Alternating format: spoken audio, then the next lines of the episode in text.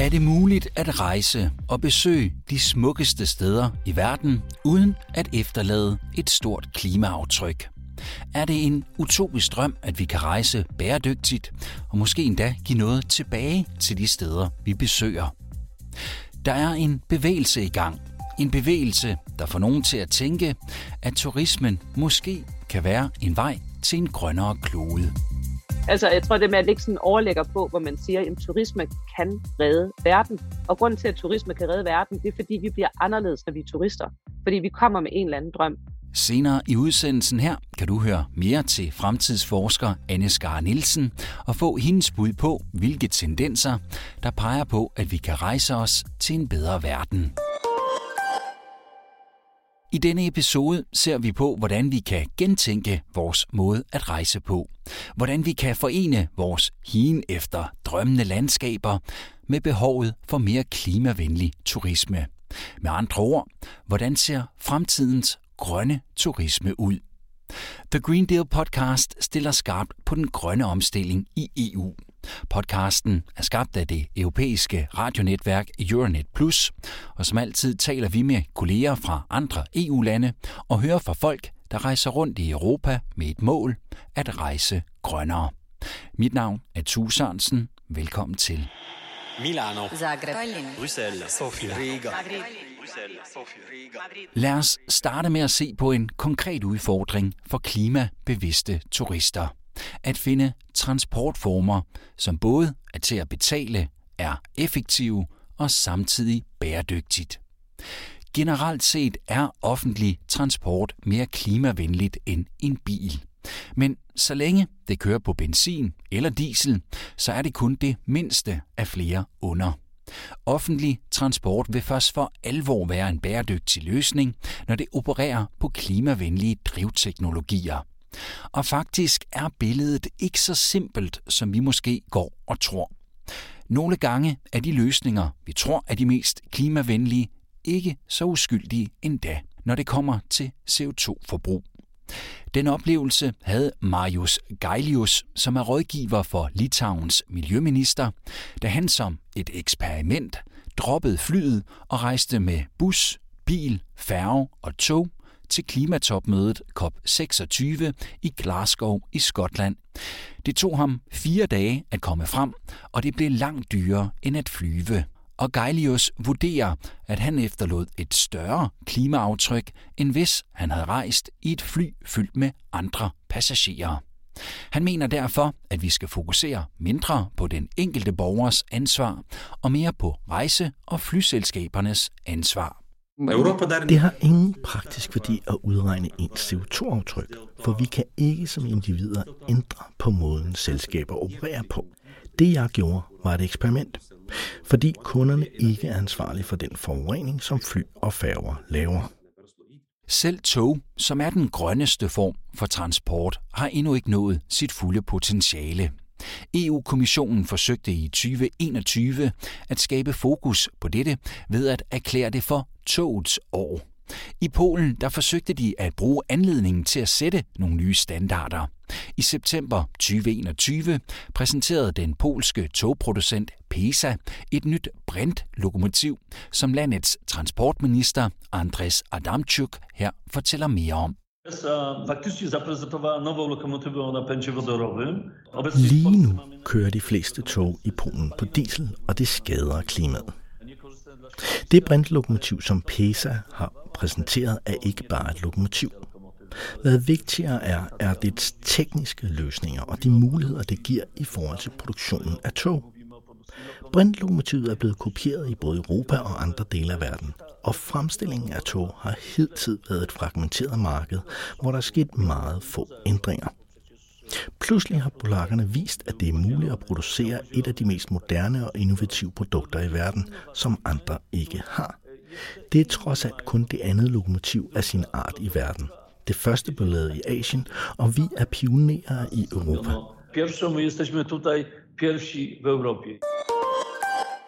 At rejse bæredygtigt handler ikke kun om, hvordan du transporterer dig, men også om, hvad du gør, når du er ankommet til din destination. Om hvor du overnatter, spiser og hvad du laver på din rejse. Min kolleger i Rumænien har talt med Gabriela Chico, som er dekan på Fakultetet for Erhverv og Turisme på Bukarest Akademi for Økonomiske Studier. Hun fortæller her om mulighederne for en klimavenlig ferie i Rumænien. Jeg synes, at vi i Rumænien har mange ressourcer i forhold til grøn turisme, selvom vores transport og infrastruktur efterlader en del af ønske.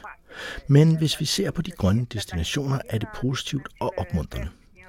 Vi har mange naturområder, en del er endda beskyttet, og landdistrikter, der er attraktive, hvor man virkelig kan markedsføre, udvikle og fostre klimavenlig turisme. Vi har for eksempel de smukkeste landsbyer i Transylvanien, men også andre landsbyer, der ligger for foden af bjerge eller i rimelig afstand til bjergeområder og nationalparker.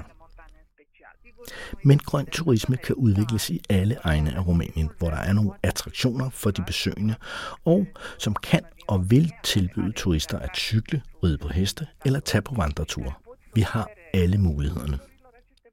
I Tyskland blogger Rebecca Schirke om bæredygtige rejser, og hun har også skrevet bøger og udgivet magasiner om emnet. For hende er det ikke nødvendigvis et spørgsmål om, at man ikke bør eller må flyve, men et spørgsmål om, at helhedsoplevelsen, som en rejse også er, skal være bæredygtig. Es gibt die Fraktion, die sagt natürlich, man geht am besten nur noch zu Fuß. Der er selvfølgelig dem, der siger, at det er bedst at gå eller cykle. Og nej, det er ikke godt for miljøet at flyve. Jeg har lavet en del research på at rejse i Tyskland og andre dele af verden. Men personligt vurderer jeg ikke en bæredygtig rejse udelukkende fra et miljømæssigt hensyn. For mig er det mere end det. Der er mange lande, der er afhængige af turisme, og du kan være med til at sikre, at de penge, du bruger, går til lokalbefolkningen. Det er for mig også en vigtig del af det at rejse bæredygtigt. Da jeg for eksempel var i Sri Lanka og Panama, valgte jeg bæredygtige overnatningssteder. Det betyder, at de lokale lærer om service og gæstfrihed, eller at pengene måske ender med at finansiere en landsbyskole for piger eller genplantning af skovområder. Jeg har set mange gode projekter blive til virkelighed. Nu skal du igen møde Anne Skar Nielsen. Hun er fremtidsforsker og partner i firmaet Universal Futurist. Hun mener, at der er en markant bevægelse i gang. Vi er nemlig ved at ændre vores måde at se rejser og turisme på. Jeg synes, at den store overordnede trend, der snakker om, det er den, vi kalder fra eskapisme-turisme til idealisme-turisme. Så i gamle dage, hvis nu kalder det for eskapisme-turisme, så var det der, hvor vi flygtede fra vores eget liv, vores egen dagligdag. Fordi arbejdet, det var simpelthen så hårdt, så det eneste, vi kunne overskue, når vi kom på ferie, det var, at så skulle vi også bare slappe af. Nu kan vi bare se, at der er den her trend, hvor folk vil noget andet. Og det har også noget at gøre med, at for nogen er arbejde ikke hårdt på samme måde, som det var i gamle dage. Det er mere svært. Og når man så kan se, at vi tager på ferie, så er det ikke på den der eskapisme fasong det er på en meget mere idealistisk fasong. Og det vil sige, at lige pludselig så søger du efter værdier. Du vil gerne have en værdimæssig overensstemmelse med den destination, du rejser hen til. Du vil gerne give tilbage til lokalsamfundet. Kæmpe, kæmpe trend. Det med at have en, en forbindelse til dem, der er der, være en del af lokalsamfundet. Føle, at de penge, du bruger, ikke ryger ind i en stor kapitalfond, men går til at være med til at lave det, der hedder for eksempel rewilding, hvor du genskaber en, en, en natur, der måske er blevet smadret, øh, hvor det går tilbage til de små selvstændige erhvervsvirksomheder. Hvis man tog ud og dykkede i gamle dage, så tog du ud og dykkede, og så øh, med solcreme på hele kroppen, måske var du ude at klappe en delfin, som var blevet fanget ind, og så brækkede man et lille stykke af et koralrev af, og tog med i lommen. I dag, så får du nærmest en uddannelse, før du tager afsted. Og når du så dykker, så knækker du ikke koralrev af, så er du faktisk, måske arbejder du i en koralbørnehave, hvor du er med til at genskabe koralrevet. Og så får du sådan en følelse i din krop af, at jeg er med til at bygge noget op. Og det er det, som, som fremtidens turisme er. Anne Skar Nielsen peger på, at vi er blevet mere bevidste om konsekvenserne af vores måde at rejse på. Og det gør, at vi er i gang med at ændre vores valg, når vi skal ud og opleve verden. Så sådan en god måde at tænke på det på, det er, at vi alle sammen som mennesker har sådan en række af dominoklodser foran os. Og så er der nogen, der er tættere på dig end andre. Så lad os nu sige, at vi har fem dominobrikker. Så er der en foran os, som vil være det, som vi siger, det her det er det vigtigste for mig. For eskapisme-turisterne, der vil afslappning være det vigtigste. Så bagefter det der, bagefter det, så kan du sige, måske i række 7, der kommer bæredygtighed. Men så er der jo andre, der har fået den oplevelse af, nej, bæredygtighed for mig er faktisk den første. Og hvis den ikke er på plads, så vælger alle de andre brikker det handler også rigtig meget om, at vi er mange mennesker over hele kloden, som søger en anden form for mening i tilværelsen. Vi vil gerne have god samvittighed.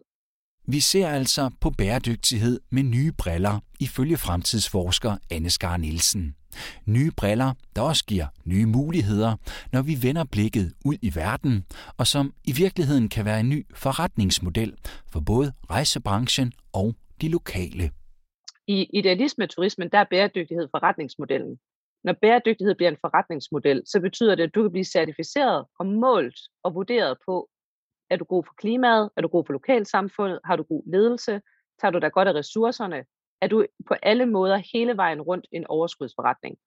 På et tidspunkt skulle vi snakke med sådan en, der en, en amerikansk investortype, som virkelig lignede noget, der var trådt ud af, af Wall Street, og der sad jeg og tænkte, okay, nu kommer alt det gamle, og det gjorde det bare ikke. Folk vil gerne være bedre mennesker, og det kan man tjene penge på.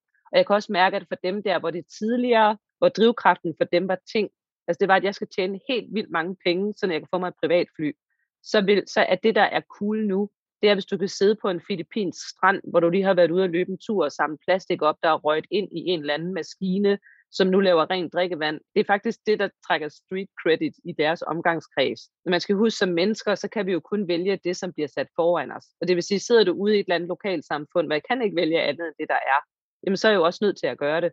Derfor er Anne Skar Nielsen også enig med den tyske blogger Rebecca Schirke. Fremtidens turister ønsker at besøge noget, der er autentisk, modsat de store hotelbyer, der er skabt udelukkende til turister og som ikke er en del af lokalsamfundet. Den tredje trend, det er lokalsamfundet, og det er mennesker. Nu skal man faktisk til at lave det sådan, at du laver et, et rart lokalsamfund, hvis du laver et eller andet, så skal det også kunne bruges af dem, der bor der. Jo rarere det er for dem, som allerede er der, jo rarere vil det også være for folk, der kommer udefra at være en del af det. Og hvor vi i gamle dage drømte om turisme, som det her med, at du kunne jeg bare æde og hore og, du ved, og slappe af og sove og opføre mig som, som, som egentlig den ringeste udgave af mig selv, så er fremtiden det med, at nu vil jeg faktisk gerne være den bedste udgave af mig selv. Og jeg vil gerne være under nogle omstændigheder, der tvinger mig til at være den bedste udgave af mig selv. Og de destinationer, der forstår det, de vil jo tiltrække den type af pionerer, som faktisk gerne vil være medspillere. Naturen er den store vinder, også her post corona. Øh, vi har jo opdaget, at lokalsamfundet kan noget, og, det er jo fedt, det her ikke med, at vi faktisk kan lave nogle destinationer, ligesom en lille ro, øh, hvor man jo ikke skal se ret mange billeder på Instagram, før man tænker, det telt vil jeg også godt sove i. Eller hvis man lavede sådan nogle hængende haver på Møns Klint, hvor der kun var fem, ligesom man har lavet i Peru, der er der jo lavet sådan nogle, der hænger på, på bjergsiderne, hvor du vandrer ud og får en stor naturoplevelse. Så jo mere du kan lave noget, hvor folk kan sidde og tage et billede af det og føle det som om, at jeg er ambassadør for det her sted, jo mere vil det sprede sig. Anne Skar Nielsen peger også på, at teknologi skaber helt nye muligheder for turismen, og dermed også for at tilbyde grønnere løsninger. Disney bruger jo her i disse år milliarder af dollars på at lave det, der hedder et Magic Bracelet. Og Magic Bracelet skal være et armbånd, der hjælper dig til at surfe igennem øh, på idealistisk façon, øh, uden at du egentlig skal tænke så meget over det. Så det bliver sådan et, øh, et kunstig intelligens armbånd, som med alle mulige sensorer rundt omkring, der bare sørger for, at når du har truffet beslutningen om, at du gerne vil til Disneyland med din familie, så skal du ikke bekymre dig mere om det. Hvis du er vegetar, jamen det ved det godt. Hvis du har en barn, som har diabetes, eller dine døtre, de er ved at smelte ned, fordi de ikke har set snevide, så opstår snevide, puff, lige pludselig foran dig. Og det er sådan nogle ting, hvor vi sidder, det kommer sgu da aldrig til at ske. Jo, de er i gang med at lave det. Og det sjove med det der armbånd, det er, at det tracker jo data om dig. Det tracker ikke kun data om dig, det tracker data om din relation til andre, dit humør og alle de andre, der rejser. Jo bedre en oplevelse du har, hvor du kommer hjem og siger, prøv at høre, der blev bare du ved, det var simpelthen bare tjekket af hele vejen rundt. Jeg har aldrig haft en bedre ferie. Så vil du snakke godt om det, og så får de flere kunder i forretningen. Så derfor er der sådan en bold, der ruller af det her igen med, at folk er så trætte af at have dårlig samvittighed. At dem, der kan lave de løsninger, hvor du både får en fed oplevelse, og du får dejlig mad, og du har gjort noget for lokalsamfundet, og du har fået lov til at sove, og du har fået det der, det der, der hedder øh, serendipity. Det er de der magiske oplevelser, som du ikke havde regnet med, at du fik, men som du havde en forventning om ville opstå. Og det betyder jo, at nu kan, jeg, nu kan jeg som udbyder designe den oplevelse for dig, som du har købt ind på. Men jeg kan træffe beslutningerne for dig, sådan at de bliver bæredygtige. Fordi jeg kan se, at hvis jeg gør det, så er det faktisk godt for min forretning. Øh, det er godt for mit brand, og så kan jeg tiltrække de kunder, som jeg gerne vil have. Og når Anne Skar Nielsen, for hun er jo fremtidsforsker, skal se ind i spokhulen, så mener hun helt sikkert, at vi går en grønnere turisme i møde. Og faktisk mener hun, at de store virksomheder kan være med til at skubbe på den udvikling. Jeg tror, at der er rigtig mange af de store virksomheder, øh, Novo Nordisk, IBM, Microsoft, øh, Google, når de sender deres øh, medarbejdere på konferencer, så kan jeg jo se i dag, at bæredygtighed er en stor ting. Så, så nogle af dem, der virkelig kunne være sådan en stor drivkraft, det er alle konferencegæsterne. Altså det, at man gerne vil komme til et land, lad os sige, man lander i, i Danmark, ikke? og så man oplever, prøv her, her er hele svineriet bare bæredygtigt. Jeg har hørt, at et af de store problemer, vi får i øh, blandt andet i Jylland, når, øh, når alle de der gæster skal over blive blæst igennem, så vil de komme i deres elbiler, og så har vi ikke nok ladestandere. så det er i hvert fald, som jeg siger, sådan en ting, hvor der vil være ret godt at, at investere i. Det er jo hele den der energiinfrastruktur, der skal til. Men det er også derfor, jeg siger, at lige nu kører vi i radiobiler. Altså lige nu er det sådan en eksperimenteringstid, hvor det vi skal passe på, det er vores energi, det er vores håb for fremtiden, øh, fordi at jeg kan jo, som jeg siger, være en ladestander for alle dem, der har brug for at få noget energi, og så sige, at det kan rent faktisk godt lade sig gøre.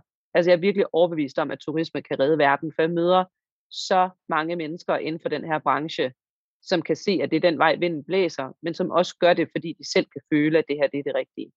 Med den optimistiske udmelding fra en fremtidsforsker, så er det måske også lige værd at minde os alle sammen om, at et hvert lille skridt mod grønnere rejsevaner trods alt er et skridt i den rigtige retning. Med det nåede vi i mål med denne episode af The Green Deal podcast. Vi rejser videre med den grønne mikrofon og er snart tilbage. Podcasten er produceret af Podpeople for Euronet Plus. Torsten Spis er redaktør. Nikolaj Tvinge har tilrettelagt, og mit navn det er Tue Sørensen.